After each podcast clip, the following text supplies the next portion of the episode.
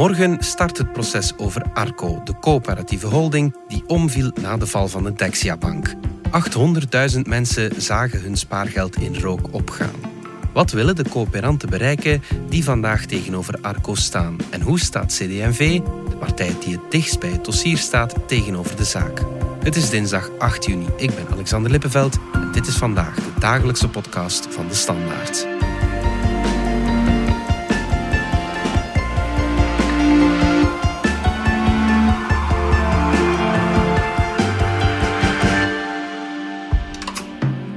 Pascal den Doven van onze economieredactie herinnert ons nog even aan de feiten, want dit dossier gaat al een tijdje mee. Wat is er juist gebeurd? Dat is een heel, heel brede vraag. 800.000 mensen, particulieren, hebben effecten, aandelen gekocht, meestal van Arcopaar. Mhm. Een beetje in de overtuiging dat ze een veilig spaarproduct kochten. Ja. En tot hun uh, verrassing blijkt dat ze hun geld volledig kwijt zijn. Ja, een, een veilig aandeel, dat was zo'n coöperatief aandeel. Wat is dat juist? Die mensen waren allemaal klant van de toenmalige Bakop-bank, mhm. eh, de voorloper van Belfius. Mhm. Er werd hen aangeprezen om een veilige belegging te doen. Iets dat heel sterk geleek, uh, werd hen gezegd, op, op een spaarrekening, op een spaarboekje. Mhm. De suggestie was van, kijk, voilà, we hebben hier de aandelenrekening voor u, een veilige belegging maar het biedt meer rente dan op uw klassieke spaarrekening. Mhm. En u hebt er ook nog een aantal voordelen uh, bij, zoals uh, korting op een woonkrediet of een hogere spaarrente op uw spaarboekje. Mhm. Maar natuurlijk, wat die mensen niet wisten, is dat ze geen spaarproduct eigenlijk eh, kochten in de klassieke zin van het woord, mhm. maar een aandelenrisico namen. Ja. En hier kocht men in de feiten een coöperatief aandeel en dat heeft specifieke kenmerken. Hè. Ehm, die coöperatieve aandelen, dat noteerde niet op de beurs. Dat was iets waar je maar één keer per jaar uh, kon uitstappen. Okay. Terwijl op de beurs kan je constant in- en uitstappen. Een ander kenmerk was van het coöperatief aandeel was dat je enkel maar je ehm, inleg kon terugkrijgen. Mhm. Los van een dividend uh, dat je kreeg. Ja. Maar je deelde wel en het risico van een klassiek aandeel, met name dat je een deel van je inleg of zelf je geld volledig kon kwijtspelen. Ja. Dat werd voorgesteld als een veilig product, maar er was eigenlijk weinig of geen opwaarts potentieel. En omgekeerd kon het wel slecht aflopen. Hmm. En daar had eigenlijk Hans het proces over, dat, dat dit verhaal as such niet aan de mensen werd verteld. Integendeel, hen werd verteld een veilige lange termijn belegging goed voor de kinderen of kleinkinderen. Ja. De coöperatieve gedachte is ook dat daar toch een sfeer, een ambiance rondhangt van dat je denkt dat je met uh, uw, centjes gaat naar een goed doel, hè? Mhm. naar sociale projecten, duurzaamheid. Wat hier uiteindelijk bleek niet echt het geval te zijn. Integendeel, gaandeweg werd dat aandeel een steeds speculatiever gegeven, uh, waar rond forse risico's werden opgebouwd. Ja, oké. Wat waren die risico's dan? De eerste plaats het risico dat eigenlijk alle eieren in dezelfde mand werden gelegd. Mhm. Eh, het geld dat opgehaald werd bij de spaarders werd gebruikt om de bank van het ACW, vroeger van Beweging.net, om die bank, eh, de Baco-bank, uit te bouwen. Mm bepaald moment uh, in 97 koopt men daar ook een zakenbank bij. Hè. Bank België. Nog later had het geheel op in, in Dixia. Dus je zat eigenlijk belegd als spaarder in een bank waarbij dat er weinig diversificatie was, weinig spreiding van de risico's, alle eieren in een mand. En dat is altijd gevaarlijk. Ja, ja. Maar gaandeweg is dat profiel van die bank, van die onderliggende investering, ook steeds risicovoller geworden. Mm en dat werd ook nooit uh, meegedeeld aan de mensen. Mhm. En weet u, in, het begin, eh, banken, dat zag er allemaal een lange tijd ook solide uit. Maar we, we, weten allemaal van in de financiële crisis in 2008 dat daar geen zekerheden meer waren. Hè. Vandaag start het proces rond Arco. Kan ik zeggen, Pascal, dat de rode draad misleiding is? Dat, dat is het zeker. Hè. Dus uh, eh, 2172 coöperanten zijn naar de rechtbank getrokken. Mhm. Al in uh, eh, 2014 ja. hebben ze een dagvaarding gedaan.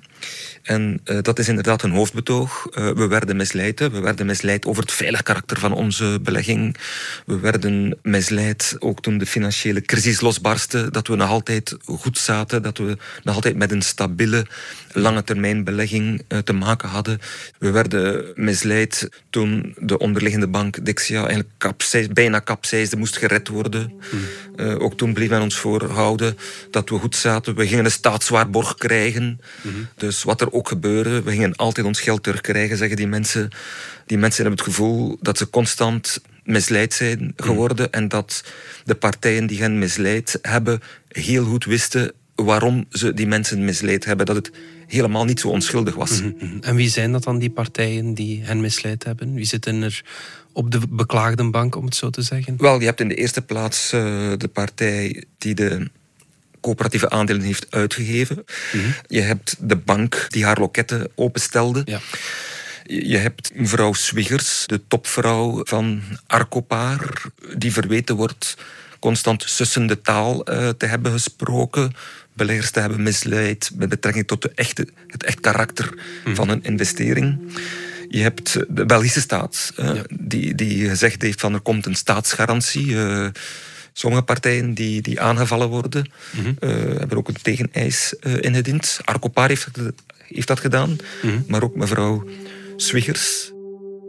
Wat vraagt Deminor eigenlijk, die die goede 2000 verdedigt? In de eerste plaats vraagt Deminor natuurlijk dat voor die 2172 coöperanten dat uh, die aankoop destijds van die coöperatieve aandelen, dat die aankoop ongedaan wordt gemaakt, omdat dit gebeurde um, op basis van misleiding en, en, en bedrog. Ja, ja. En dus vragen ze de vernietiging van die deal alsof dat die dus nooit heeft plaatsgevonden. Ja, dus ze krijgen dan hun geld terug?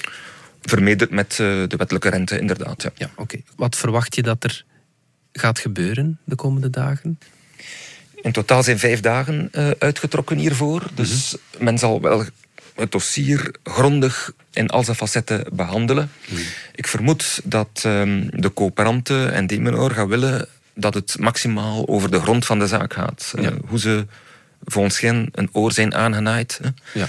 Terwijl ja, de personen die zich moeten verdedigen, denk ik, die gaan vooral op procedurele gronden spelen. Die mm. hebben er geen belang bij dat dat hier over de grond van de zaak gaat. Mm. En dat kan op allerlei manieren. Hè. Veel procedurele argumenten. In de eerste plaats de bevoegdheid van de rechtbank aanvechten. Van, u kunt die niet overoordelen, het is aan een andere rechtbank. En dan is men echt wel voor een aantal jaren vertraging vertrokken. Ja. Een andere mogelijkheid uh, is dat men zegt van kijk, in dat dossier zitten fouten, het houdt geen steek en dergelijke. Dus uh, het wordt boeiend om te zien, uh, die muur van technische argumenten die men zal opgooien, zal men daarover klimmen of niet. Mhm. Wie moet zich het meest zorgen maken van al die beklaagden? Ik vermoed dat um, Arcopaar en, en, en Francine Swiggers toch wel partijen zijn die wat uit te leggen hebben. Mhm. Dus het is niet zo dat de feiten hier allemaal slaan op zaken uit de jaren tachtig of zo. Nee, ja. Dat verhaal van een veilige belegging mhm. is blijven doorgaan. Ook nadat men eerst die zakenbank kocht en ook na dat die financiële crisis in 2007, 2008 toesloeg. Mhm. Daar is dus wel wat uit te leggen van hoe, hoe kunnen jullie hard maken dat het goed zat, terwijl het onderliggend aandeel, de waarde van uw investering, grotendeels verdampt was. Het aandeel Dixia, de onderliggende investering, die waarde daarvan was in elkaar geklapt. Ja, ja. En toch, in de boeken ook van Arcopar, jaarrekeningen, bleef men die waarde hoog houden. Ja. Dus goed, die twee partijen, denk ik, hebben een issue als het over de grond van de zaak gaat. Maar opnieuw, het is afwachten of men zover komt. Belfius, ja, de bank die zijn loketten openstelde om het te verkopen, die uh, vindt natuurlijk dat elke uh, coöperant afzonderlijk moet kunnen aantonen dat hij uh, misleid werd. Mm -hmm. En ja, veel van die beleggingen gebeurde mondeling aan het loket. Zeg van, dat is hier een veilig product en je krijgt daar extra voordelen bij. Daar is geen schriftelijk bewijs van.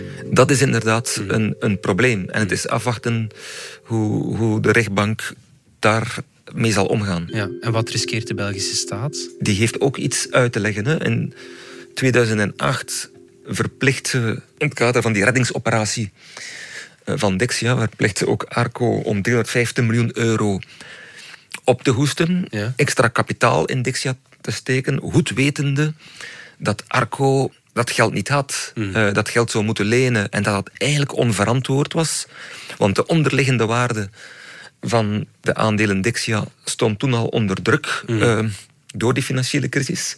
Toch verplichtte men Arco om nog verder de nek uit te steken, om een, een risico, een concentratierisico die er was, al die, al die middelen die al in één belegging zaten, om daar eigenlijk nog een laag bovenop te leggen. Ja. En heeft de staat heeft toen gezegd, ja maar u krijgt wel de staatsgarantie uh, voor de coöperanten. Ja.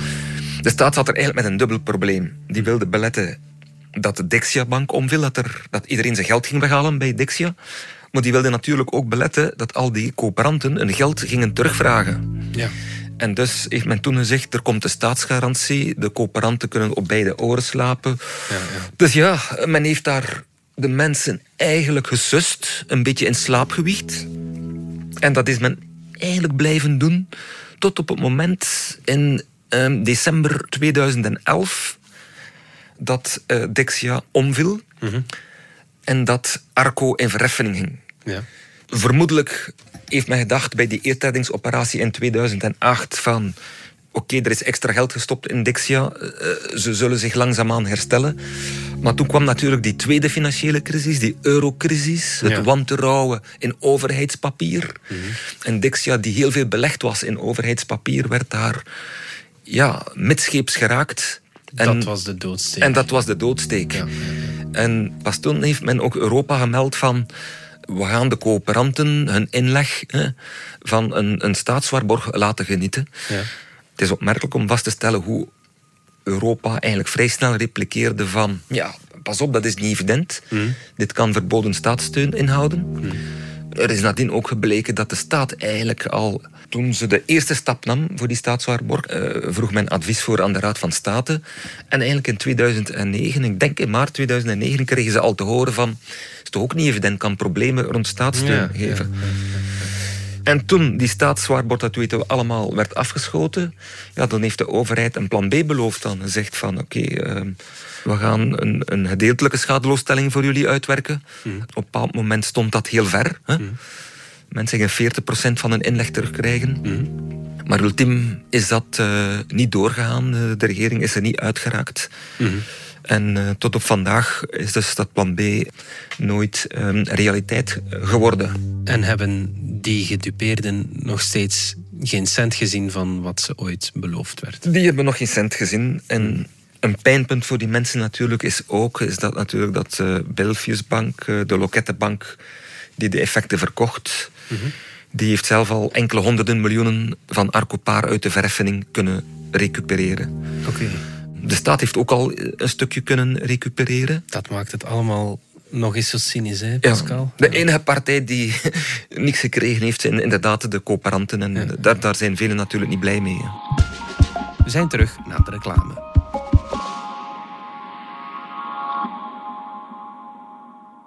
Niets is, alles wordt. Dat hadden de Grieken 2500 jaar geleden al begrepen. En dat is nog altijd zo. Vandaag wellicht meer dan ooit. Maar hoe vind je je weg in een wereld die almaar sneller verandert? Kennis is het beste kompas, weten we bij BNP Paribas Fortis. En kennis hebben we en delen we graag. Dat doen we ook in de podcast Stand van Zaken.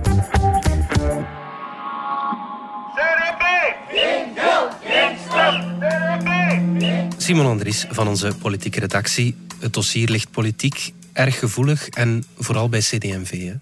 Ja, absoluut. Uh, dat dossier hangt eigenlijk al uh, een paar jaar als een zwaard van Damocles boven de partij. Uh, ik herinner me iedere keer dat ik naar een congres geweest ben van CD&V, mhm. dan, dan staan die misnoegde spaarders daar ook altijd nog voor de deur, ook nog met, met de spandoeken. Dus dat is een dossier dat altijd blijft terugkeren voor CD&V. Zolang dat daar geen uh, oplossing voor is, zal dat ook zo blijven, denk ik. Ja, er zijn al een paar politieke ja, slachtoffers zeg maar, geweest bij, uh, bij CD&V. Rond die Arco-zaak? Ja, absoluut. Uh, minister van Financiën, of ex-minister van Financiën, Steven van Akkeren, uh, die moest in 2013 nog ontslag nemen door het dossier. Mhm. En sindsdien is het eigenlijk ook jarenlang blijven kleven aan de CD&V-minister in die federale regering. Ja. Tot de dag van vandaag, waarop dat uh, Annelies Verlinden ja, toch zelf ook een stempel heeft in het dossier, want zij is ook jarenlang Arco-advocaat geweest en die samen met de Belgische overheid toen probeerde ook om uh, in Europa die waarborgregeling geregeld te krijgen. Mhm. Dus tot op de dag van vandaag is het een dossier dat aan de partij plakt en die doorheen de jaren ook uh, onder andere de vorige, of een van de vorige ministers van Financiën, Koen Geens, mhm. ook heel lang heeft achtervolgd. Blijft een dossier dat, dat, waar de partij nog altijd heel sterk van wakker ligt. Ja, ja. Waarom blijft dat zo plakken aan die partij? Ja, dus de link tussen CD&V en Arco is heel duidelijk. Arco is ingebed in die christelijke zuil, uh, is, was het financieel uh, vehikel van Beweging.net. Vroeger was dat het ACW. Mhm. Die zijn ook trouwens veranderd van naam. Mhm. Net omdat het uh, de ACW dat bleef plakken aan Arco en, en de hele saga. Intussen zijn ze Beweging.net. Maar bon, dat is nog altijd...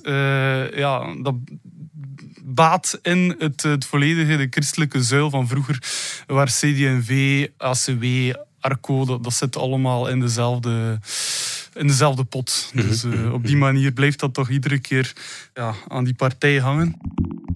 Dat onderwerp lag stevast op de tafel bij regeringsonderhandelingen. Was dat nu ook zo bij de vorming van de regering De Croo? Ja, dat is wel heel opvallend nu geweest dat uh, volgens uh, partijvoorzitter Joachim Koens mm is er voor het eerst in de voorbije jaren met geen woord gerept over Arco in de onderhandelingen over de nieuwe regering. Hmm.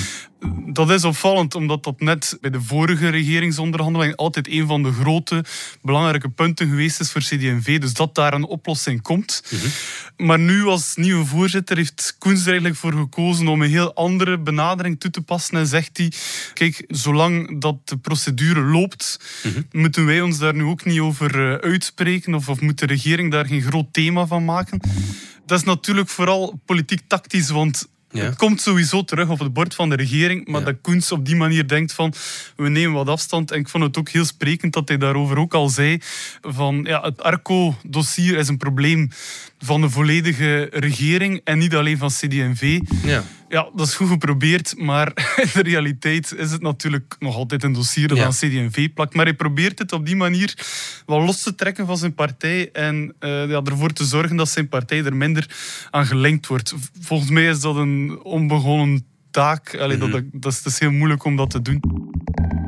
Waarom kon Joachim Koens dat nu wel en kon Wouter Beke dat nooit? Die, dat op zijn minst proberen om die twee wat van elkaar los te koppelen? Dat is een goede vraag, denk ik. Want bij CD&V is al heel lang het besef van we moeten op een of andere manier onze handen onttrekken aan dat dossier. Mhm.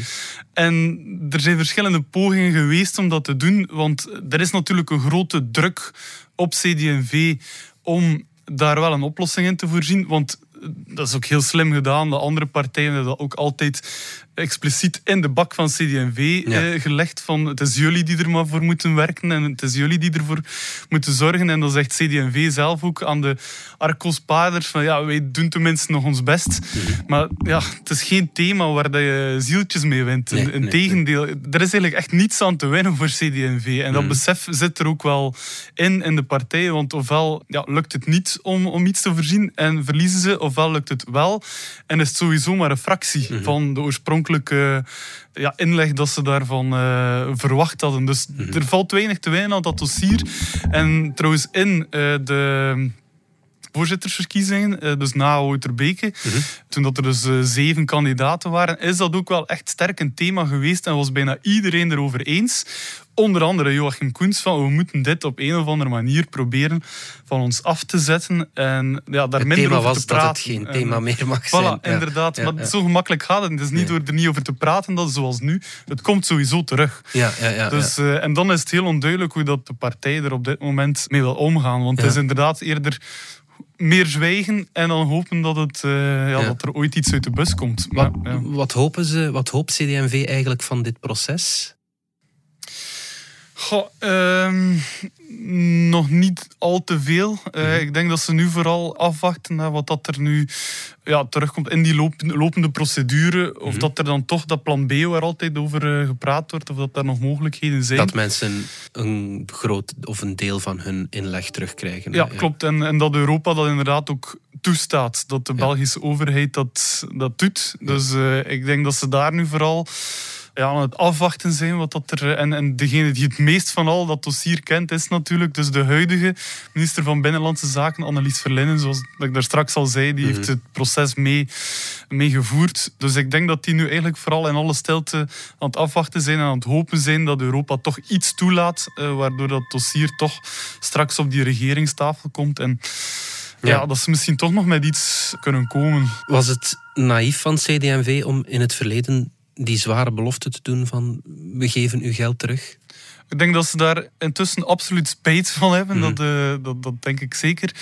Maar ik denk vooral dat nu in 2014 bijvoorbeeld, bij de, de regering Michel, dat ze daar ook de spijt van hebben om er zo hard, toen nog met Chris Peters, eh, zo hard op door te gaan en zo hard op te hameren. Want eh, dat was al tijdens, eigenlijk al bij het begin van die legislatuur duidelijk, dat politiek compromis daarover heel moeilijk was. Voor wie het zich nog herinnert, N-VA had daar ook echt een thema van gemaakt Ja. in, de, in de verkiezingen. Toen nog eh, Kamerlid Peter de Dekker, die toen zelfs het boekje had gemaakt. Ik stel vast dat er eigenlijk geen enkele partij is die dit terugfluit. Dat er geen enkele partij is in deze regering die nog oog heeft voor het algemeen belang, het belang van de belastingbetaler. Hier geldt het belang van de zuil.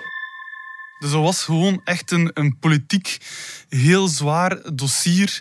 En het is daar volgens mij wel naïef geweest sowieso van CD&V om te denken dat daar plots een, een oplossing uit de bus zou vallen. Want aan de ene kant is sowieso wachten inderdaad op die lopende procedure. En aan de andere kant zijn er al manoeuvres geweest, onder andere door het dossier te linken aan waar eh, op een VLD al langer voor pleit om het overheidsaandeel in Belfius te verminderen, waardoor dat er dan ook weer geld vrijkomt die dan kon gebruikt worden voor het, eh, het dossier. Maar al die pogingen zijn gestrand op ja, het feit dat die procedure nog loopt. En eh twee, toen ook eigenlijk dat, eh, dat daar een aantal partijen aan tafel zaten, zoals N-VA, die op zich ook eh, er niet te happig op waren om het geld, om het dan in hun woorden te zeggen, van de belastingbetaler te gebruiken voor een dossier waar CD&V zichzelf in de nesten heeft gewerkt en Beweging.net zichzelf in de, in de nesten heeft gewerkt. En, en dan komen we nu al terug op het, het, het, eh, lopende dossier nu. En dat de vraag ook nog altijd is van ja, hoeveel moet Arco, ACW daar, daar zelf in, eh, in bijdragen. Dus, eh, En daar heeft toen N-VA altijd op gehamerd van eerst moeten we kijken wat zit daar nog bij Beweging.net en ja, het voormalige ACW van, van budget. En, en daar moeten we eerst naar kijken. Dus, dus in de vorige legislatuur was dat echt een, een dossier politiek eh, licht ontvlambaar. Op dit moment blijft het onder de radar. Is het op de regeringstafel voorlopig minder een dossier dat nu al broeit, maar het komt terug. In dit proces vertegenwoordigt Deminor 2172 gedupeerden, zoals je al zei, Pascal. Dat is maar een fractie van die 800.000 mensen die ooit geld gestoken hebben in Arco. Waarom gaat het om zo weinig coöperanten? Demenor heeft op een bepaald moment, ik denk al in 2015, gezegd van... We, stoppen met coöperanten te aanvaarden in deze procedure om het proces beheersbaar te maken. Een, een van de problemen was dat natuurlijk... eh, Belfius die zei van ja, maar jullie zeggen dat jullie bedrogen zijn, maar ik wil van iedere persoon die hier zegt ik ben bedrogen, graag bewijzen eh, zien. Hè.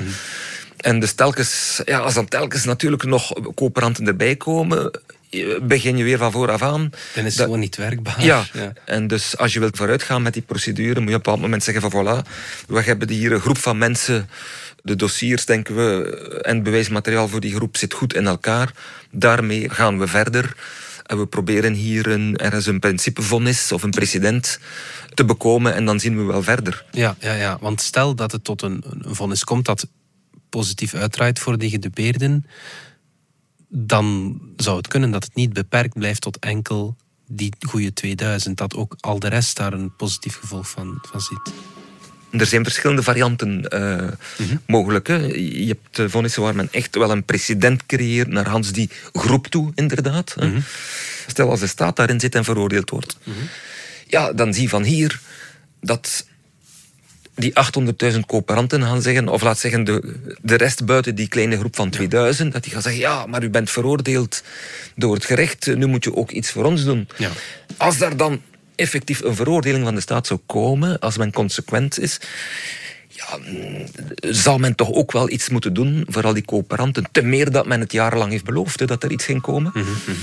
Maar goed, er Dat zijn is- andere varianten denkbaar. Ja. Eh, De vraag zal zijn, wil de rechtbank een, een president, eh, een vonnis vellen met een precedentswaarde, waardoor dat dan Hans, die groep, eh, ook kan claimen schadeloos gesteld te moeten worden.